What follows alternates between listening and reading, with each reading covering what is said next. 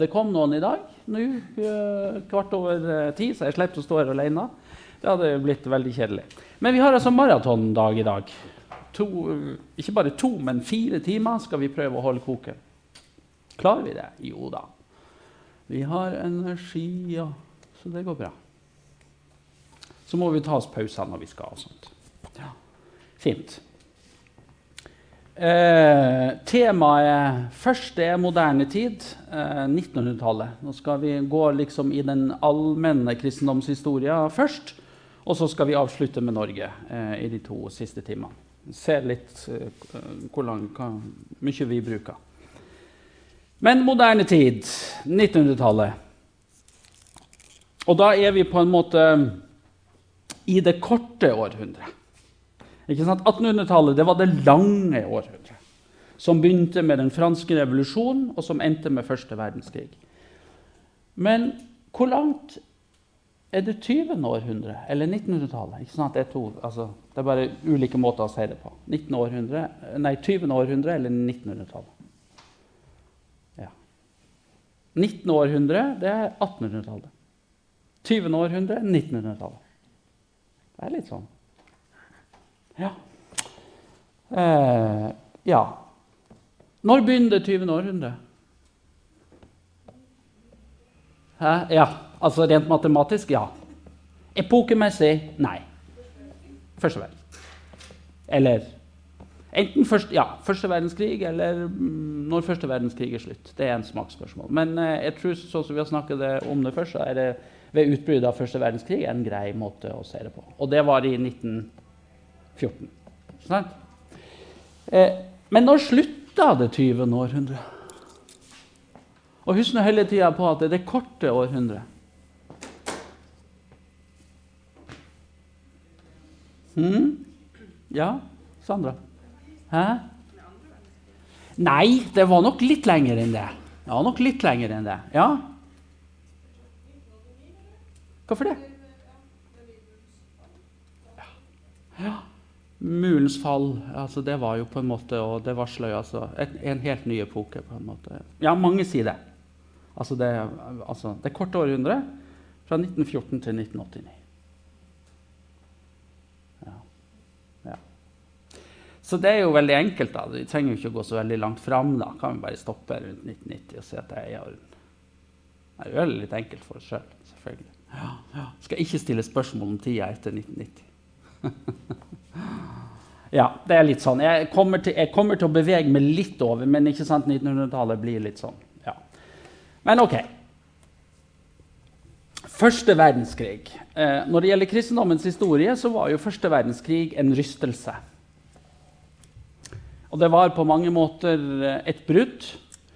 Eh, hva skal Vi si det vi kan kalle den liberale kultursyntesen mista troverdighet.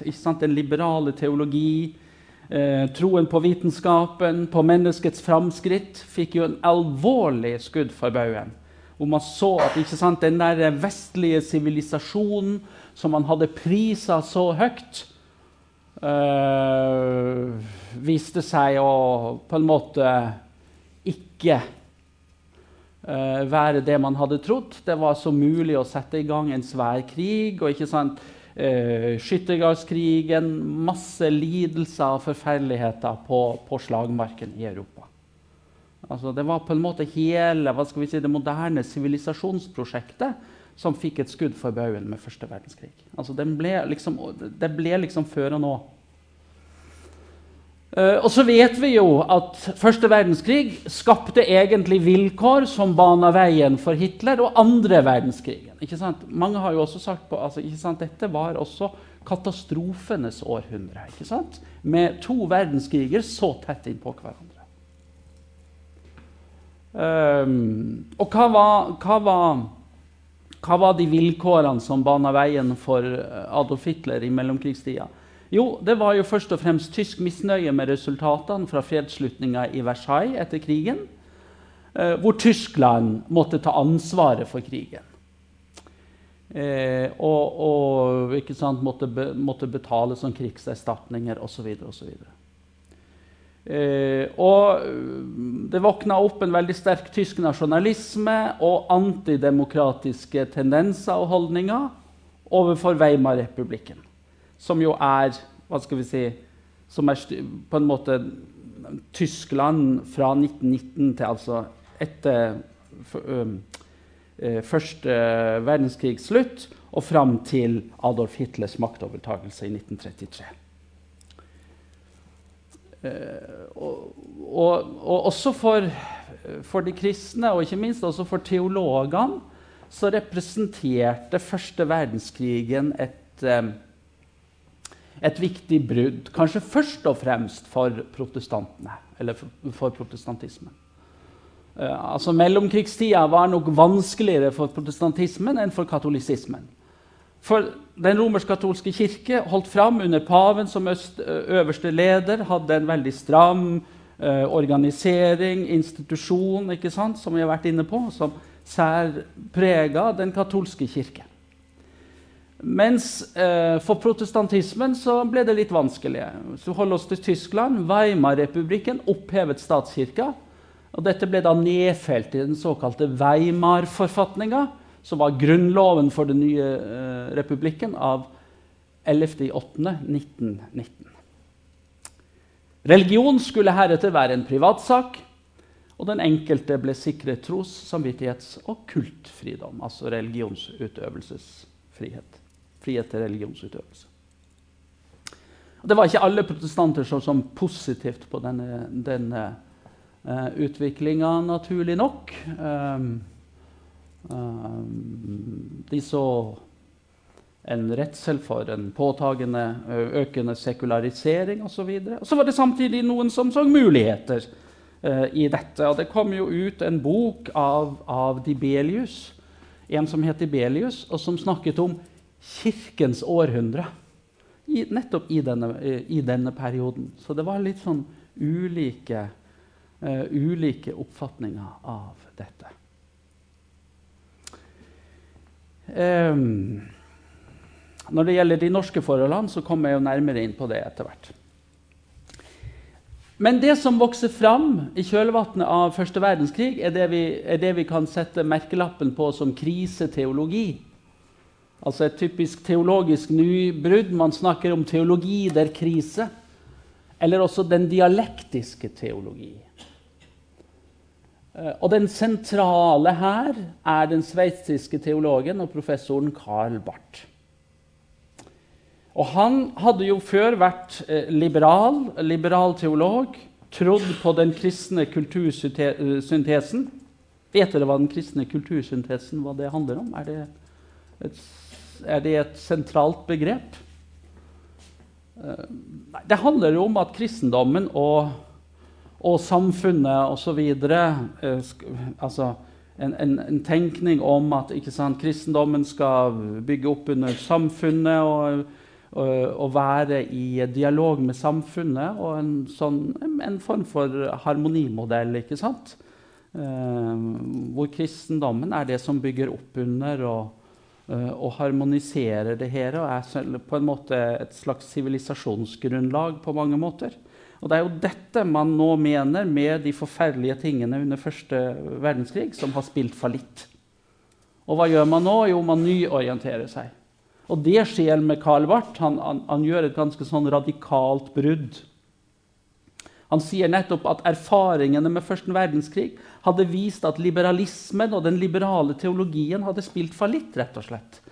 Altså at, at Eh, at dette, dette, var ikke liv laga. Altså, og det var så alvorlig for ham at han, han vendte hele liberalteologien ryggen. Det var det ikke alle som gjorde like sterkt, men han gjorde det veldig sterkt. Um, og han søkte svarene i Bibelen uh, og uh, poengterte sentrum i kristendommen er Gud. Og han fremhevet den kvalitative forskjellen mellom Gud og mennesket. Han hadde noen sånne klassiske, eh, klassiske eh, teser, da, f.eks. Eh, Gud er i himmelen, og du er på jorden, og dere kan ikke snakke godt sammen. Uh, han hadde også dette med at, at Guds ord uh, kommer senkrekt for nåben og er noe helt annet og kvalifisert annet enn det menneskelige. Um, og, og, og, alle forsøkene som har vært gjort på en måte i den liberale teologien, så å si å nærme seg Gud ut fra menneskelige premisser, det sier han egentlig er som å løfte seg selv etter håret. For Gud må komme til mennesket først. Mennesket kan ikke nå frem til Gud. Så det er en veldig sånn ikke sant? Mennesket er der, og Gud er der. Han bruker også en, et berømt eh, sitat. Eh, 'Godt is das ganz andre'. Altså Gud er den som er helt annerledes. Det er motsetninga mellom Gud og menneske. Slik at og, og, Bibelen spiller her en viktig rolle. I Bibelen åpenbarer den transcendente Gud seg i dom over verden gjennom Kristi død og oppstandelse. All religion, alle forsøk på å nå til Gud, er under Guds dom. Kristendommen derimot er ikke religion. ja, ikke sant? Altså, den, ja, det, det er den motsatte bevegelsen. Ja. Det er, jo, det er jo, interessant. Det er jo, jeg vet ikke om dere har Er dere ferdig med gruppeundervisninga, forresten? Har, had, ja, har, dere vært inne på dette i gruppeundervisninga? Hæ? Nei, akkurat. Nei, nei. Nei, men altså, dette er jo interessant, og det kan man jo diskutere, selvfølgelig. Eh, men det er hans vurdering. ikke sant? Og det er den dialektiske teologi som framhever Uh, altså religion som egentlig er et menneskeforsøk. det er interessant. Ja. For å si det sånn, Man tenker nok annerledes om religion i dag. Men, men for, altså, i, husk på denne tida ikke sant? hvor ting på en måte har gått så galt. Så framhever han Gud. Godt i stads gans andre. Og hans berømte bok, som på en måte eh, gjennomfører dette eh, skiftet, eh, det er jo hans så være Der Rømerbrief, altså romerbrevet. Og særlig utgave, altså, og det er jo utgave i 1922 hvor, hvor, han gjør dette skiftet. Og Barth fikk følge av flere andre teologer, blant dem Rudolf Boltmann, eh, som er kjent for sitt avmytologiseringsprogram. Eh, og hans eh, altså, man må, Men han var jo samtidig opptatt av å bevare noe av den liberale teologiens uh, forsøk på å tale til det moderne mennesket på en måte. Altså Barth setter opp motsetningen. Boltmann er likevel og han, og han snakker om at han snakker om en, en eksistensial interpretasjon. Nå bruker jeg litt mange, eh, mange vanskelige ord plutselig siste dagen. Bare for å holde skjerpinga oppe. Eh, eksistensial interpretasjon altså, må tolkes eh, ut på menneskets eksistens. De bibelske skriftene er viktig å tolke dem ut fra menneskets uh, eksistens. Uh, og så gjennomfører han en, en avmytologisering på en måte uh, av disse tingene som ikke lar seg så godt tolke inn i menneskets moderne eksistens. Det, det, sier han på en måte. ikke sant? Og så har man sagt mot han at ja, ja, det siste som står igjen for Boltmann å avmytologisere, det er jo hele begrepet Gud. Ja, det har vært en sånn altså veldig sånn Men? Det, det, det var et forsøk ikke sant, å møte den. Og han, han, han fikk jo kanskje størst betydning etter andre verdenskrig. Rodolf Boltmann var jo egentlig bibel, bibelviter. Um,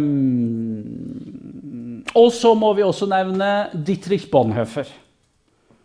Uh, som jo faktisk var en av de teologene som stilte seg i, i, i sterk motstand mot Adolf Hitler uh, og det regimet han sto for og spilte en rolle i det vi kan kalle den tyske kirkekampen. Og han var også med i kulissene uh, bak forsøkene, og særlig det siste forsøket på altså attentatforsøket mot Hitler i juli 1944.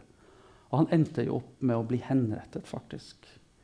En måned før krigen var slutt. 9. april 1945 ble han henrettet. Uh, Jeg kan komme litt tilbake til det. Men altså, en, en, det, det, er altså flere teologer som på en måte er med på å følge noe av Barths eh, reorientering på mange måter. For det er jo det som skjer innenfor teologien og, og den kristne tenk, altså Man prøver å reorientere seg etter eh, første verdenskrigs katastrofe. Hvordan er det mulig i en sivilisasjon som skulle bygge på kristendommen, at det gikk så galt? Det var jo på en måte Har, har hele dette sivilisasjonsprosjektet vårt eh, spilt fallitt? ikke sant? Og, og, og, og, Barth gikk veldig langt i retning å si det. og han reorienterer seg, og han gjør det ganske radikalt. Teologi der krise.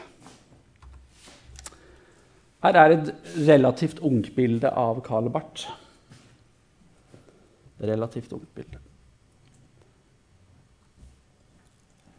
Hitler kom til makten, eh, som dere vet, i 1933. Han ga sin støtte til det han kalte positiv kristendom. Vil si en kristendom som tjente staten. Altså Nazismen er jo akkurat som kommunismen, en, en, en, eh, et fokus på Altså en kollektiv bevegelse. Et fokus på kollektivet, ikke på individet. Altså individet må innrette seg under uh, kollektivet. Ikke sant? Uh, uh, das Folk, ikke sant? som jo, som jo das, Deutsche Folk som Hitler snakka veldig mye om i sine overspente taler. Ikke sant? Um, individet var underordnet folket. Og rasen. Ikke sant? Raseteoriene. Alt dette. Alt dette kjenner dere til. Og så er det jo det forunderlige altså i vår tid Det har sikkert dere også tenkt på. Altså, hvordan var det mulig at en hel kulturnasjon som Tyskland kunne uh, så å si bøye seg under Hitler? Det er, uh, det er et merkelig fenomen. Altså Den sterke mann, ikke sant? Uh, altså, jeg har tenkt altså, jeg har aldri egentlig skjønt det ordentlig.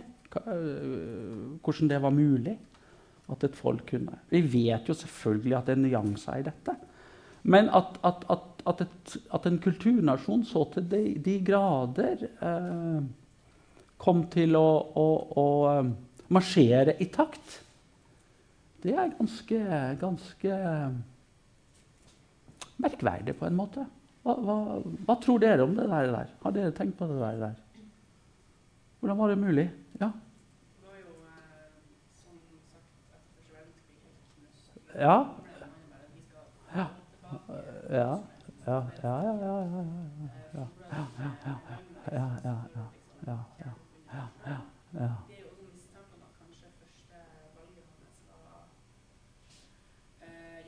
Ja, fiksa. Ja, ja, ja. Men man ser jo det at i desperate tider, når det kommer en konflikt, så stammer man fra hjelp. Ja, ja, ja. ja, ja, ja, ja. Ja. Mm, mm. Mm. Ja da. Og, og, og, og jeg, jeg, tror det er den viktigste forklaringa. Eh, det, det, tror jeg du har helt rett i. Altså det, det, går ikke an å skjønne det uten å skjønne eh, Tysklands situasjon etter første verdenskrig. Altså Der ligger på en måte nøkkelen. Og Derfor kan man jo si i eh, Hva skal vi si i, i ettertidens klare lys så kan man jo si at eh, seierherrene for første verdenskrig gjorde en fatal feil ved at de knuga Tyskland så langt ned etter krigen. Kanskje hadde dette gått annerledes hvis krigsoppgjøret etter første verdenskrig hadde blitt håndtert annerledes. Men det er jo sånn type kontrafaktisk historieskrivning som man, kan, som, man kan, drive med. Og det er interessant. Men det var nå ikke sånn det gikk. Eh, men nettopp dette ga virkelig Denne grunnleggende misnøyen ga grobunn for en gærning som Hitler.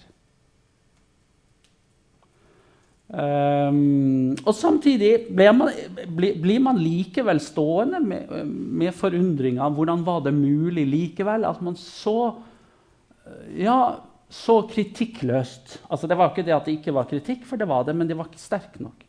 At man så vidt kritikkløst likevel gikk med. Altså det, er der, det, er noen paradokser her som ikke er så vanskelig. Men jeg tror helt klart at situasjonen fra første verdenskrig er nøkkelen til å forstå hele, hele det fenomenet.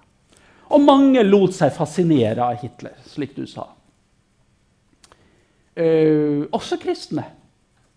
Flertallet av kristne i Tyskland støttet jo Hitler. Uh, og vi fikk i 1932 allerede var jo, uh, var jo um, det, man kalte, det, man kalte Glaubensbevegung, Deutsche Christen'. Altså uh, trosbevegelsene tyske kristne, eller man, man, bare forkorter det DSC, altså Deutsche Christen, blitt etablert. Som jo var en protestantisk kristendom som bygde på nasjonalsosialisme. Altså en kristendom som, som, på en måte bygger på nasjonalkristendommen, og som søker eh, nasjonalkristendommen, nasjonalsosialismen, nazismen altså, og, og, på en måte tilpasser kristendommen eh, nazismen. Eh, og her er det jo en, en, en, viktig tenkning, altså dette med at historien til das folk er ledet av Gud. Det tyske folk ist das Volk Gottes. Og Hitler er Guds utsendte wundermann for den tyske nasjonen.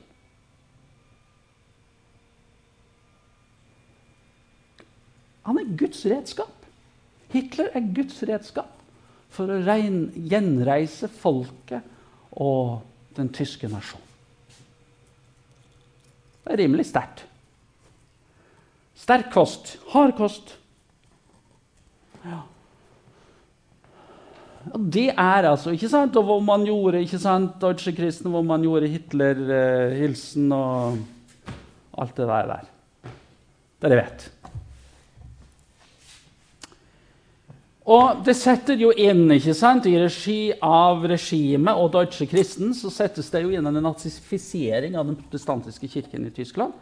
Og hvor, hvor man da øh, ønsker å fjerne alle ikke-ariske elementer. Og Her kommer jo ikke sant, denne raselæren inn og i forhold til hva en arier er. Og, um, og, og også begrepet ikke-arier. Og ikke-arier var jo først og fremst jødene. Og Deutsche Christen gikk da inn for å innføre den ikke-ariske paragrafen i, i, i kirkeforfatningen. Dvs. Si at alle som ikke var ariere, uh, ikke skulle ha uh, stillinger i, i, kirken. Akkurat som man innførte det i staten. ikke sant? Um, og, og, disse, det er bare én eksempel. Altså, hele dette nazifiseringsforsøket av kirken utløste Kirchenkamp, altså kirkekampen.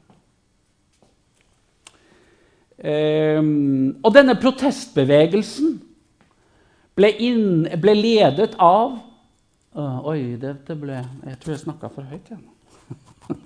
det, liksom, oh, det var nesten som vi var om bord på en ubåt nå, når jeg skulle nærme meg ubåtkapteinen. ja. Um, denne protestbevegelsen ble ledet av den tidligere så berømte ubåtkapteinen, nå presten, Martin Niemøller. Han hadde vært en av de dyktigste tyske ubåtkapteinene under første verdenskrig. Og ikke sant, hyllet av den tyske nasjonen. Og så Etter krigen så utdanna han seg til prest og ble prest. Og så uh, ser han tidlig faresignalene med Adolf Hitler. Uh, og, blir, og, blir, leder av, en, uh, av protestbevegelsen i, i, i, kirken mot, mot Hitler-regimet. Uh, som dere ser, han, han berger livet, altså. Han, han, lever til han blir en gammel mann. Eh, 19, han dør så seint som i 1984. Ja. Eh, ja, det kan godt hende det er. Ja. Ja, ja. ja, det, kan, ja det, det, det kan det være. Ja, ja det, det høres sannsynlig ut. Ja. Så han er, veldig, han er veldig viktig her. Eh, man holder, holder altså et type eh, kirkemøte i et sted som heter Barmen. Eh, 29. til 31. mai 1934. Hvor eh, resultatet av dette møtet er at man, eh, at, at man forfatter Det kommer ut en teologiske erklæring, altså en teologisk erklæring, forfattet av Karl Barth. Karl Barth er hovedforfatteren, eh, som, blir da, eh, som blir da vedtatt. Og Barmen-erklæring skulle utgjøre grunnlaget for den tyske evangeliske kirken, som på en måte ble en type motkirke. Motkirke til eh, Deutsche Christen. Eller Glaubensbevegung Deutsche Christen. Ehm, og I dette dokumentet så, så stilte man da opp retningslinjer ut fra Skriften for hva som var den rette holdninga til de aktuelle teologiske og kirkepolitiske spørsmålene. Og Samtidig ble Bekentniskirke organisert som den sanne tyske evangeliske kirken. Husk på at hele dette her, det er innenfor den protestantiske tradisjonen. Vi snakker ikke om katolisisme ennå. Eller nå. Eh, og, så det blir, på, det blir altså Deutsche Christen og det blir Bekentniskirke, eh, så å si mot hverandre. Eh, så langt er flertallet eh, Deutsche Christen eh, blant protestantene. Um, så kan man jo spørre seg igjen, altså fra et kirkelig synspunkt Hva, hva kunne bakgrunnen være for at, eh, for at eh, flertallet av de protestantiske, det vil jo i stor grad si lutherske eh, prester og, og kirkemedlemmer eh, støttet Hitler. Man lar seg fascinere. Men hva, hva, kunne på en måte hovedmotivasjonen være til at man gjorde det? Det, det er et litt vanskelig spørsmål, egentlig. Men det har noe med lutherdommen å gjøre. Hæ? arbeid. Ja. Ja. Ja, ja arbeid. Ja, ja du, du tenker litt sånn kall? Luthers kaldstenkning? Det er at eh, arbeid var hellig nok. Ja. Ja, ja, ja, ja, ikke sant? Han flytter jo på en måte kallet fra klosteret og ut i verden. ikke sant? Han sier til og med at kall, det er berov. Mm. Ja.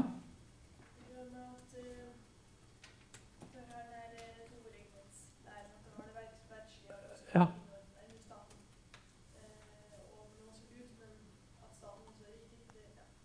Der kom det. Der kom det. Toregimentslæren. Eller det vi også kan si ordningsteologien. Den, den, den, lutherske mainstream-teologi på denne tida var jo ordningsteologien, to, eh, regimentene. ikke sant? Eh, som inneholdt at ikke sant? Eh, staten er sitt regiment, ikke sant? det verdslige regiment. Kirken eller er, tilhører det åndelige regiment. Eh, og så var det jo samtidig tenkninga at Gud var herre over begge regimenter. Det betydde jo at de myndigheter som var innsatt, de var innsatt av Gud. Ikke sant? Var, ikke sant? Eh, eh, og i en sånn tenkning så var det sånn at som kristen så må du akseptere de myndighetene som er satt over deg, som, eh, som innsatt av Gud. Det, det, var, det var mainstream lutherdom, og det, det innebar lydighet. Det, er mainstream lutherdom. Så vet vi jo, og det vet vi jo både fra Barmen regjeringserklæringa, men også fra den norske kirkekappen, at det var selv med et sånt utgangspunkt i toregimentslæren så var det mulig å komme til en annen konklusjon. Men det var ikke mainstream, altså motstand. Um, det skal jeg komme litt tilbake til når jeg snakker om den norske kirkekampen. Uh, men, men, den ordningsteologien, altså toregimentslæren, er en viktig bakgrunn for å forstå dette. Og tenkningen om at Gud er herre over begge regimenter, også det verdslige. Dette er et viktig, viktig tema. Veldig bra. Veldig bra.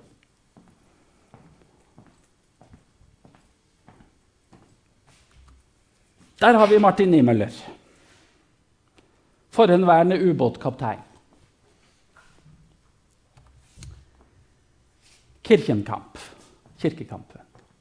Hva handlet det om? Uh, mange prester ble avsatt og fengsla. Uh, og Niemøller han satt fengsla i Dachau fra 1938 til 1945, altså til krigsslutten, men han berget livet. Og fortsatte som prest etter krigen. Men ikke alle overlevde. Blant dem altså Dietrich Bonhoeffer. Eh, Bekentniskirke måtte, altså Motstanden ble så stor fra regimet at eh, Bekentniskirke måtte til slutt gå under jorda. Eh, men så vet vi også, og det, det er også Ja, det er virkelig en plett, kan vi si. Men igjen, i ettertiden, altså men det, det, det, er viktig å notere seg verken de protestantiske eller katolikkene protesterte offentlig mot jødeutryddelsene og andre overgrep.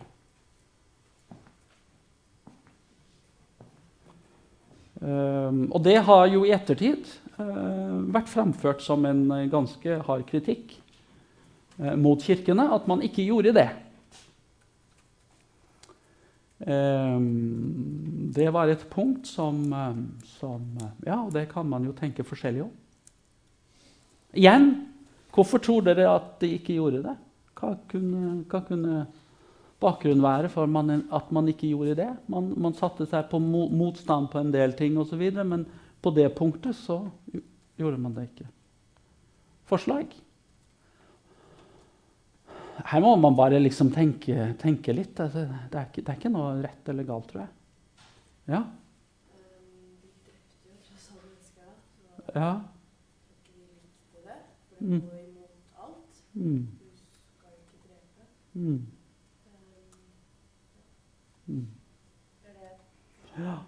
Ja. ja. ikke sant? Det var jo en marginal altså På mange måter var jo situasjonen marginal.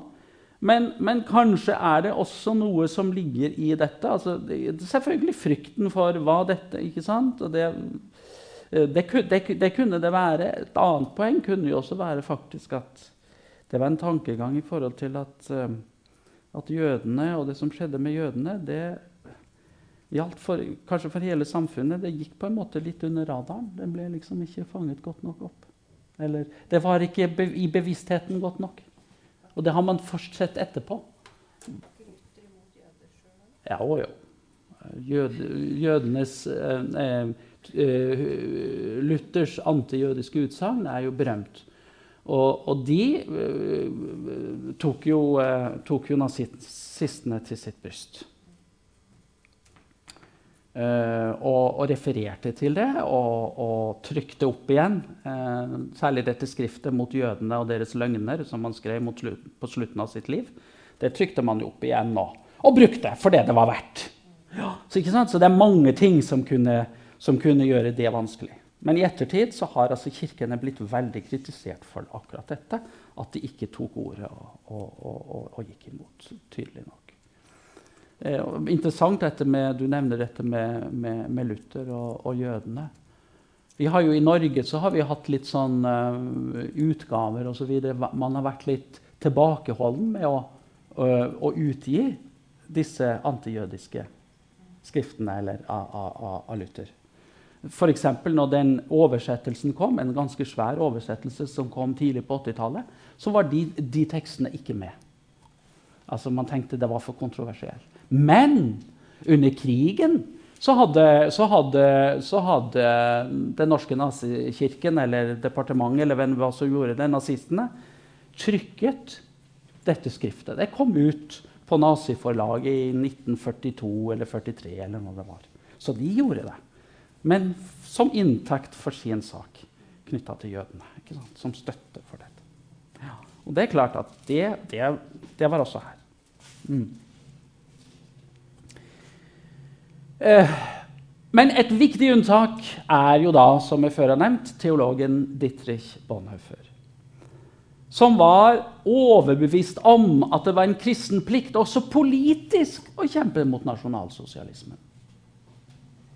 Altså Én ting var kirkelig og alt det, og Kirken kan ikke tåle og sånn, men faktisk også politisk. Og Derfor så gikk han inn og deltok aktivt i den tyske motstandskampen. Eh, slik at han var, han var, en del av den eh, tyske motstanden mot Hitler. Og i forbindelse med sant, det mislykka attentatet mot Hitler i, eh, i 1940, sommeren 1944 da ble jo dette, det, jo, det skjedde jo henrettelser, ikke sant? Og, um, og, da ble dette rullet opp. Og da kom de over Bonhoeffer, som hadde vært en del av, av dette. Og han ble da fengslet. Og så ble han altså henretta få dager før krigen var over. Uh, han, men han er, blitt, han er, jo blitt, berømt fordi mens han satt i fengselet, i Tegelfengselet i Berlin, så skrev han jo brev som da ble smuglet ut fra fengselet og utgitt av en venn eh, til en bok. 'Motstand og hengivelse'. Hvis dere har behov for lesestoff, kanskje ikke akkurat nå, men en gang, dere skal lese den boka, for den er ganske fascinerende. Og han, og han, eh, og han 'Motstand og hengivelse' heter den i norsk oversettelse. Og han, og han, eh, han, gir her ansatser på en måte til en ny teologi som, som, som ble viktig i etterkrigstiden, og som mange teologer tok opp. Han spådde jo at vi gikk mot det religionsløse samfunn. Der tok han jo feil. Men, men han, har noen, han, har noen, øh, formuleringer som tjener til å på en måte nytolke teologien, eller i hvert fall gi den noen aksenter som, som, andre spiller videre på. Altså, det ble jo ikke noe slutta system, det var jo bare spredte notater som man gjorde i fengselet. Uh, men f.eks. Altså, sånne tilsynelatende um, Eh, paradoksale formuleringer som f.eks. en av de berømte sitatene eh, Vi må leve i verden, sier Som kristne må vi leve i verden som om Gud ikke fantes. Ja, ikke sant? Hva betyr det? Vi må leve i verden som Gud ikke fantes. Hva betyr det? Um, ja, det er jo en interessant tolking. Og så sier han men det, for sånn må det være fordi det er Gud som setter oss der. Det er Gud som setter oss i den stille. Det betyr ikke at han avviser Gud. Men Gud, altså en, en nærliggende tolkning er at denne, denne, verden, som altså eksisterer som om Gud ikke fantes, det er nettopp vårt sted. Vi skal leve i den verden selv. Som kristne, som troende, skal vi leve i den verden. Det er nettopp Gud som setter oss i denne verden. Vi skal ikke isolere oss fra verden. Vi skal være i den verden som er, og som fungerer som om Gud ikke finnes. Men det er, det er eh, i seg selv et religiøst prosjekt, på en måte. Men vi skal ikke lukke oss ute fra verden. Vi skal leve i verden som om Gud ikke finnes. Sånn ellers så, sier, så har han jo og Det sitatet det er riktignok oversatt til engelsk. Altså, det er jo Sett i lys av hans skjebne så er det jo interessant. Han sier jo også i, i et av sine brevene når Kristus kaller et menneske When Christ calls a man, he bids him come and die. Så tilbyr han, eller byr han ham, å komme og dø. Ikke sant? Altså, det er jo sånne sterke i, i, i um, Hva skal vi si Etter at man vet hans skjebne, så er det en del sånne sterke, sånne sterke formuleringer i dette. Men den boka anbefales. Etter krigen ble han jo på mange måter den protestantiske kirkes helgen i Tyskland. En som hadde stått opp og kjempa mot, uh, mot naziregimet, uh, også politisk. Så han, han, endte jo faktisk opp altså, i den eh, eh, tyske kontraspionasjen. ikke sant? Altså som motstandsmann. ikke sant? Eh, og drev jo et, et, eh, et enormt dobbeltspill. Var en kort tur i Norge, faktisk, også under de årene. Men det var vanskelig for han å få tilgang. For man var på det tidspunkt så skeptisk til alt som tysk hette, at når det kom en mann fra den tyske kontraspionasjen og sa at egentlig så har jeg en annen agenda, så var det veldig vanskelig å få innpass. Og det kan vi kanskje forstå. Altså, Mistenksomheten var så stor. Ja. Um, ja. Ja. Vi kan jo holde på noen minutter til kan vi ikke det, før vi tar en velfortjent pause. Her er Bonhoeffer. Han eh, ble jo bare 38 år gammel. Prest. Teolog. Eller er det, når vi nå har på en måte avsluttet dette Er det å begynne på noe nytt nå er litt vanskelig? At vi heller tar en pause? Ja.